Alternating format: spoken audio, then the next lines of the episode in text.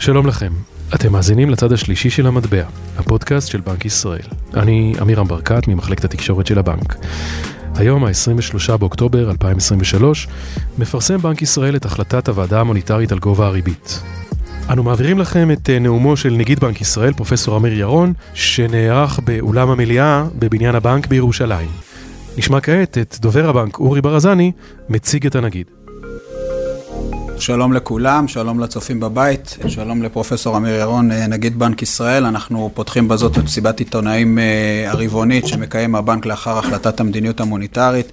תודה לכל מי שהצטרף אלינו כאן מהעיתונאים אה, במשכננו בירושלים, בירתנו הנצחית, יש להגיד בעת הזו. הצטרפו אלינו גם לסיבת העיתונאים דוקטור עדי ברנדר, מנהל חטיבת המחקר, לפני מספר דקות פורסמה תחזית החטיבה, ודניאל חכשיאשווילי, המפקח על הבנקים, במהלך היום, מוקדם יותר, פורסם הרחבה, פורסמה הרחבה על המתווה דחיית ההלוואות, שכוללת כעת גם את החכאות. אנחנו נתחיל בפתח הדברים בנאום של הנגיד פרופסור ירון, שיזכור את ההחלטה ומשתנים כלכליים שבאים כמובן על רקע התפתחויות הלחימה המצערת. ולאחר מכן, כמובן וכהרגלנו בבנק ישראל, נפתח את הדיון לשאלות העיתונאים. בבקשה, עמי. שלום לכולם. בבוקר יום שבת, השביעי לעשירי, בעיצומו של חג שמחת תורה, פתח ארגון החמאס במסע טרור רצחני במוקדי אוכלוסייה רבים בישראל, תוך הפרה של כל כלל בסיסי של מוסר ואנושיות. עד כה מניין הנרצחים עומד על מעל 1,400 וישנם אלפי פצועים ומספר רב של חטופים. כמעט ואין אדם בישראל שלא מכיר משפחה שאחד מבניה או בנותיה נרצח, נפגע או נחטף. בין אלו שקיפחו חייהם גם כאלו הנמנים על משפחות עובדי הבנק. אני שולח מכאן את תנחומיי לכל משפחות הנרצחים, מאחל החלמה מהירה לכל הפצועים, מתפלל לשלום החטופים ומייחל להשבתם בשלום. זו המציאות שאליה התעוררנו בבוקר החג. זו הסיבה שבגינה ישראל יצאה כעת למלחמה בגורמי הטרור. מלחמה שתלווה אותנו בוודאי בתקופה הקרובה. למלחמה השלכות כלכליות שונות, הן על הפעילות הריאלית והן על השווקים הפיננסיים. כבר בתחילת דבריי ארצה להדגיש כי הכלכלה הישראלית איתנה ויציבה בתחומים מסוימים כגון החדשנות והטכנולוגיה אנו אף מובילים ברמה העולמית. הכלכלה הישראלית ידעה להתאושש מתקופות קשות ולחזור לשגשג במהרה ואין לי ספק שכך יהיה גם הפעם. מאז תחילת האירוע אנו בבנק ישראל מקיימים מערכות מצב שוטפות אודות ההשפעה של המצב הביטחוני על אספקטים כלכליים ופיננסיים שונים, ונוקטים צעדי מדיניות בהתאם. ארחיב על כך בהמשך. מטבע הדברים, חלק ניכר מדיוני הוועדה המוניטרית שהתקיימו ביומיים האחרונים התמקד בהשפעות הכלכליות של המלחמה. הוועדה המוניטרית ניתחה את התהליכים השונים ואת השפעתם על הפעילות הכלכלית ועל האינפלציה ובתום הדיונים החליטה להותיר את הריבית על כנה. כעת אבקש לפרוס בפניכם צעדי מדיניות שונים, בהם נקטנו מאז תחילת המלחמה בשווקים הפיננסיים ובתחום הבנקאות. עם פרוץ הלחימה ניכרו לחצי פיחות משמעותיים שהתבטאו במסחר המוקדם בשווקים בחו"ל. הגבנו במהירות, הפעלנו כבר בתשיעי לעשירי טרם פתיחת המסחר, תוכנית למכירת מטח בהיקף של עד 30 מיליארדי דולרים, והפעלת מנגנוני עסקאות סוואפ בסכום של עד 15 מיליארדי דולרים. במסגרת התוכנית, הבנק פועל בשוק על מנת למתן את התנודות בשער השקל ולספק את הנזילות הנדרשת להמשך הפעילות הסדירה של השווקים. אין לנו יעד ספציפי לשער חליפין, אבל אנו רוצים לוודא שאין תנודות חריגות ולהבטיח תפקוד מלא ותקין של השווקים בכלל ושוק מטבע חוץ בפרט. הרמה הגבוהה של יתרות המטח של בנק ישראל, שעמדה על כ-200 מיליארדי דולרים מאפשרת לנו מרחב פעולה להשגת מטרה זו. תוכנית נוספת שהפעלנו היא תוכנית של עסקאות ריפו, שמטרתה אספקת נזילות שקלית לגופים מוסדיים ולקרנות הנאמנות כנגד אג"ח ממשלתיות וקונצרניות. ההתערבויות שלנו בשווקים הפיננסיים, יחד עם יתר כלי המדיניות המוניטרית, פועלות לעיצוב השווקים ולשמירה על המשך פעילותם התקינה, תוך הפחתת אי הוודאות למשק ולציבור בעת הזו. במקביל, התוויתי מתחילת הלחימה מספר עקרונות לפעילות המערכת הבנקאית. הדגשתי במיוחד את הצורך לגלות רגישות יתרה כלפי הלקוחות הנושאים בנטל המלחמתי, אלו המצויים ביישובי העוטף ובני משפחות הנפגעים והנעדרים. בהמשך לעיקרון זה, גיבש במהירות הפיקוח על הבנקים בבנק ישראל מתווה אחיד ומוסכם שאומץ על ידי הבנקים והבוקר הורחב גם לחברות כרטיסי האשראי. המתווה ממוקד באוכלוסיית משרתי המילואים, אוכלוסיית העוטף והדרום ומשפחות הנפגעים והנעדרים. אוכלוסיות אלו יוכלו לדחות לשלושה חודשים את התשלומים בגין משכנתאות, אשראי צרכני ואשראי לעסקים קטנים. בניגוד למתווים בתקופת הקורונה, במתווה הנוכחי הדחיות לא יישאו כל עלות, לא ריביות ולא עמלות. המתווה נותן מענה גם לשאר חלקי האוכלוסייה שנתקלים בקשיים. הוא מקל באופן משמעותי ומהיר על תזרים המזומנים של האוכלוסיות הללו, מגדיל את הוודאות הפיננסית עבורם ויסייע להם לצלוח תקופה מורכבת זו. חלק מהבנקים אף נותנים הקלות מעבר למתווה, ואני כמובן מברך על כך. לכל מלחמה, לרבות הנוכחית, יש גם מימד פיסקלי לא מבוטל. מימד זה מצוי באחריות הממשלה ובהובלת משרד האוצר. אני עומד בקשר עם שר האוצר מתחילת המלחמה, וכך גם יתר גורמי המקצוע הרלוונטיים בבנק ובמשרד האוצר. אני סבור שבתחום זה עומדות לנגד עינינו שלוש מטרות מרכזיות. ראשית, עלינו להמשיך ולספק מעטפת תקציבית שתאפשר לכוחות הביטחון ולמערך הלוחם לנהל את המלחמה בהתאם למטרות שהוגדרו לה. שנית, עלינו לדאוג לסיוע לתושבי העוטף ומשפחות הנפגעים והנעדרים ולתמוך באוכלוסיית המילואים המגויסת ובאלו המאיישים את מערכי החירום וההצלה.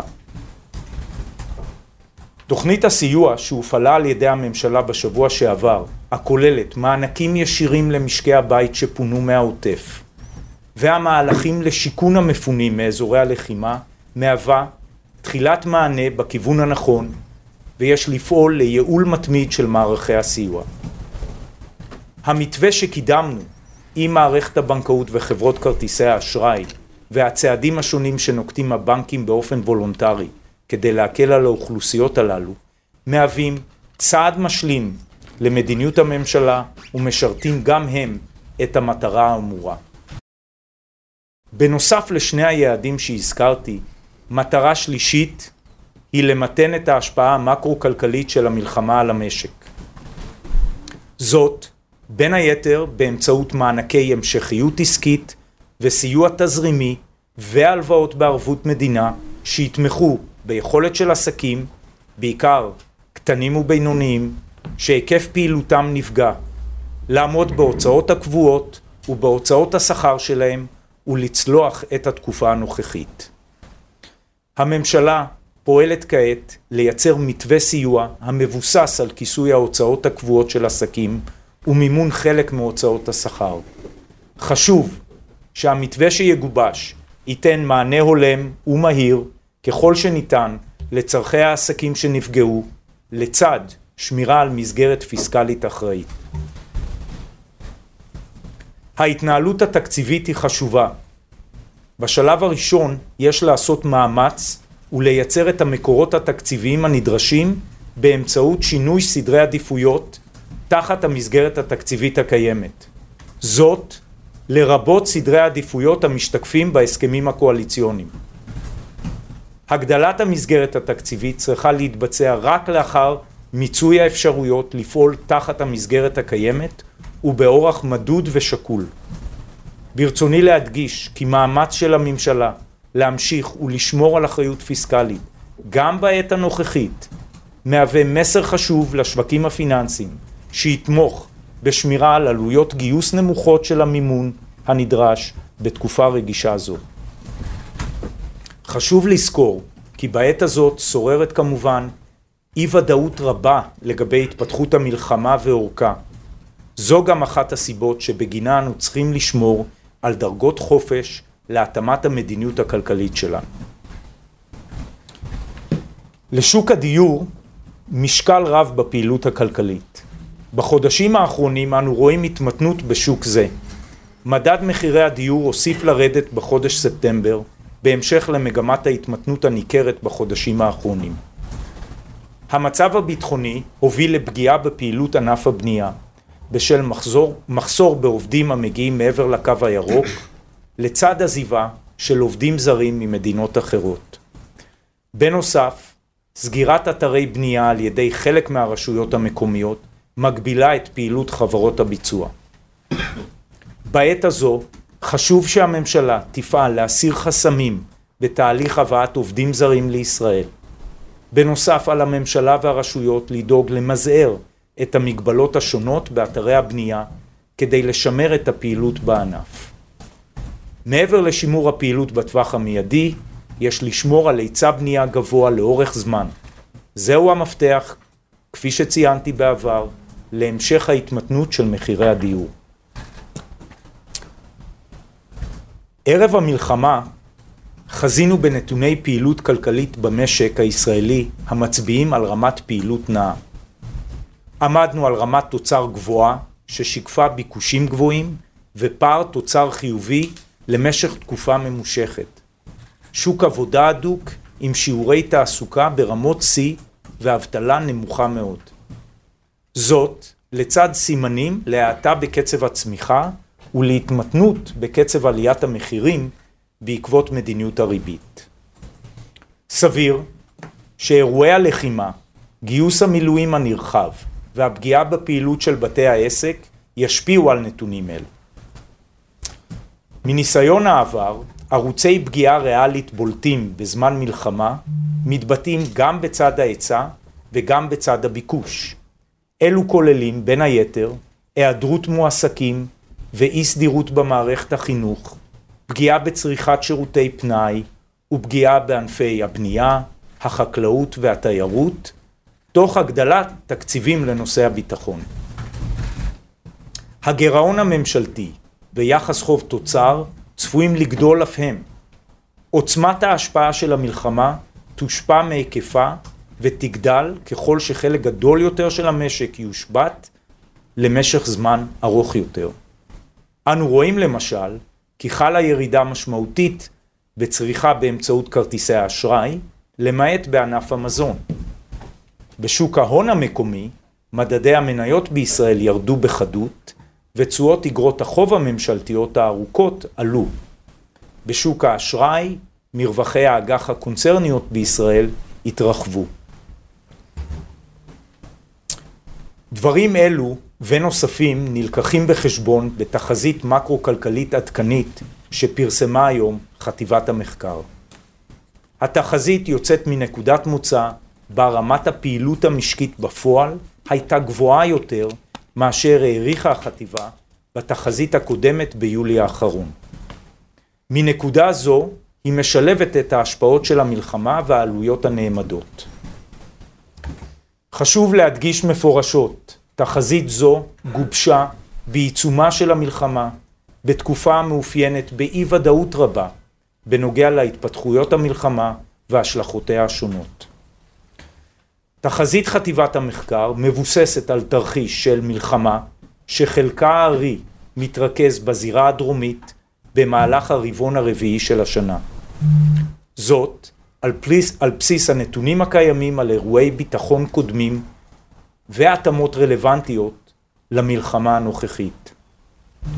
ברור כי משך זמן קצר או ארוך יותר וכן התפתחויות של המלחמה לזירות נוספות ישנו את האומדנים באופן מהותי. בהתאם להנחות הללו, החטיבה מעריכה שהתוצר יצמח בשנת 2023 ב-2.3 אחוזים ובשנת 2024 ב-2.8 אחוזים. על פי התחזית, שיעור האבטלה צפוי לעמוד על 3.6 אחוזים בסוף שנת 2024. האינפלציה השנתית צפויה לרדת ולעמוד ברבעון השלישי של 2024 על 2.9 אחוזים ובסוף שנת 2024 על 2.5 אחוזים. החטיבה מעריכה כי עלויות המלחמה יגררו גידול בגירעון הממשלה לשיעור של כ-2.3 אחוזי תוצר בשנה זו ושל כ-3.5 אחוזי תוצר בשנת 2024. אלו יובילו לכך שיחס החוב לתוצר יעמוד בסוף שנת 2024 על כ-65 אחוזים. זה המקום להזכיר שוב כי מדיניות פיסקלית אחראית הביאה את המשק ליחס חוב תוצר רצוי של כ-60 אחוזים בתחילת המלחמה. יחס זה עומד לצידנו כעת, כאשר צפויות למשק הוצאות משמעותיות כתוצאה מהמלחמה. חשוב להמשיך לנהל מדיניות פיסקלית אחראית ולשדר זאת לשווקים שעוקבים היום יותר מתמיד אחר הפעילות בישראל. בפרט חשוב שהממשלה תציג את מחויבותה לאחריות פיסקלית באמצעות מאמץ ממשי לצמצום הוצאות שהפכו לנחוצות פחות בעת הזאת ואימוץ מידתיות בהפעלת תוכניות הוצאה אזרחיות. יש לזכור שבניגוד להתמודדות בתקופת הקורונה, התמודדות המשק הישראלי עם המלחמה הנוכחית היא אירוע מקומי ולכן התייחסות השווקים להתנהלות התקציבית עלולה להיות פחות סובלנית. באשר לסיכונים הפיננסיים, הצעדים שנוקטים בנק ישראל והממשלה צפויים להקל על מצבם הפיננסי של משקי הבית והעסקים. בנוסף, תרחישים של מלחמה, עלייה בפרמיית הסיכון בעקבותיה והרעה בדרג, בדירוג של בנקים בישראל נבחנו מספר פעמים במסגרת מבחן הקיצון המקרו-כלכלי האחיד למערכת הבנקאית. התוצאות של תרחישי הקיצון הללו מעלות כי גם במצבים כאלו המערכת הבנקאית בישראל נותרת יציבה וחסונה. ארצה להתייחס עתה לאינפלציה. כפי שציינתי, המדיניות המוניטרית פועלת לעיצוב השווקים. כלי המדיניות שהפעלנו עד כה עקביים גם ממחויבותנו להחזרת האינפלציה ליעד. נכנסנו למלחמה כאשר האינפלציה בישראל עדיין שוהה מעל היעד ומקיפה מנעד רחב של סעיפים מהמדד. עם זאת, האינפלציה התמתנה בהדרגה בחודשים האחרונים. והיא נמוכה יחסית למרבית המדינות בעולם. מגמת ההתמתנות נראית הן באינפלציה הכללית והן באינפלציה של הרכיבים הבלתי שכירים והשכירים, למרות שאלו תנודתיים כתוצאה ממחירי הסחורות ושער חליפין. במבט צופה פני עתיד, בטווח המיידי צפויה למלחמה השפעה מהותית על התפתחות המחירים, הן לאור הפיחות והן מצד הביקוש ומצד ההיצע. נכון לעכשיו הציפיות והתחזיות מעריכות כי האינפלציה תחזור ליעדה במהלך השנה הקרובה. גם הציפיות מהשוק לטווחים הארוכים יותר מצויות בתוך היעד. אלו מספקים לנו מידע חשוב לאופן בו השחקנים בשוק רואים את המצב הכלכלי ואת תפיסתם להשפעת המדיניות המוניטרית על האינפלציה. חשוב לזכור כי הציפיות הן חלק משיווי משקל. הן נקבעות בין היתר לאור מדיניות הריבית שאנו נוקטים בה והאמינות שמייחסים השווקים למדיניות המוניטרית של בנק ישראל. אדגיש את מה שאמרתי לפני מספר ימים בנאום לוועידת ה-G30. הסיכון המרכזי לאינפלציה בישראל בתשעת החודשים האחרונים, וכעת, ביתר שאת, הוא הפיחות של השקל. בהתייחס לעולם, האירועים הביטחוניים בישראל גרמו לעלייה במתיחות הגיאופוליטית במזרח התיכון והביאו לתנודות במסחר ובתנאים הפיננסיים גם בשווקים הגלובליים. עם פרוץ המלחמה עלו מחירי הנפט והגז הטבעי. עוד טרם המלחמה, הפעילות הכלכלית במרבית האזורים, מלבד ארצות הברית, האטה. תחזיות הגופים הכלכליים צופות צמיחה מתונה בגושים המובילים בשנים 2023 ו-2024. ההידוק המוניטרי בעולם נמשך, ועל כן מגמת ההתמתנות באינפלציה נמשכת, גם במדדי הליבה, וזאת למרות העלייה המחודשת במחירי האנרגיה. בתנאים הפיננסיים בעולם חל הידוק, והבנקים המרכזיים מתמסרים high for longer, והשווקים הפיננסיים רשמו ירידות שערים תוך תנודתיות רבה. לסיום, אדגיש שוב את מה שפתחתי בו. הכלכלה הישראלית איתנה ויציבה. ידענו להתאושש מתקופות קשות בעבר ולחזור לשגשג במהרה. אין לי ספק שכך יהיה גם הפעם. אנו בבנק ישראל נמשיך למלא את תפקידנו בניהול המדיניות המוניטרית, עיצוב השווקים הפיננסיים, הפיקוח על המערכת הבנקאית והמשכיות מערך התשלומים. תוואי הריבית והפעלת כלים מוניטריים נוספים ייקבעו בהתאם להתפתחות המלחמה ולנתוני הפעילות והתפתחות האינפלציה, זאת על מנת להמשיך ולתמוך ביציבות השווקים ובהשגת יעדי המדיניות ובצורכי המשק.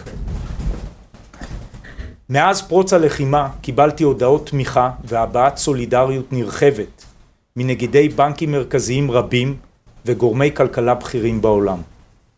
אני ממשיך לעמוד בקשר עם גורמים בינלאומיים רבים מהעולם הכלכלי ומודה לכולם על הבעת התמיכה. אבקש למסור גם מעל במה זו שבנק ישראל והוועדה המוניטרית רוצים לחזק את ידי החיילים שבחזית. אנו שולחים תנחומינו למשפחות השכולות, איחולי החלמה מלאה לפצועים ומתפללים לחזרתם המהירה של החטופים והנעדרים. ליבנו איתכם. וארצה לסיים באזכור יום הולדתו של אוהד מונדר זכרי מכפר סבא, שאמור היה לחגוג היום את יום הולדתו התשיעי בחיק חבריו ומשפחתו. במקום זאת נמצא אוהד בשבי בעזה לאחר שנחטף באותה שבת ארורה. לבקשת משפחתו נסמל זאת בבלון לכבוד יום הולדתו, מי ייתן ואוהד וכל יתר החטופים יזכו לשוב אלינו ולחגוג את יום הולדתם הבא בביתם. ביחד ננצח. עד כאן עוד פרק בפודקאסט הצד השלישי של המטבע. תוכלו לשמוע אותנו ביישומון ההסכתים מחביב עליכם, ספוטיפיי, אפל פודקאסט או גוגל פודקאסט. מומלץ להירשם כדי לקבל עדכונים על פרקים חדשים. בקרו גם באתר בנק ישראל, שם תוכלו לקרוא את כל החומרים הקשורים להחלטת הריבית האחרונה. במסיבת העיתונאים תוכלו לצפות בערוץ היוטיוב של בנק ישראל. מאחל לכולנו בשורות טובות. אני עמירם ברקת, שלום ולהתראות.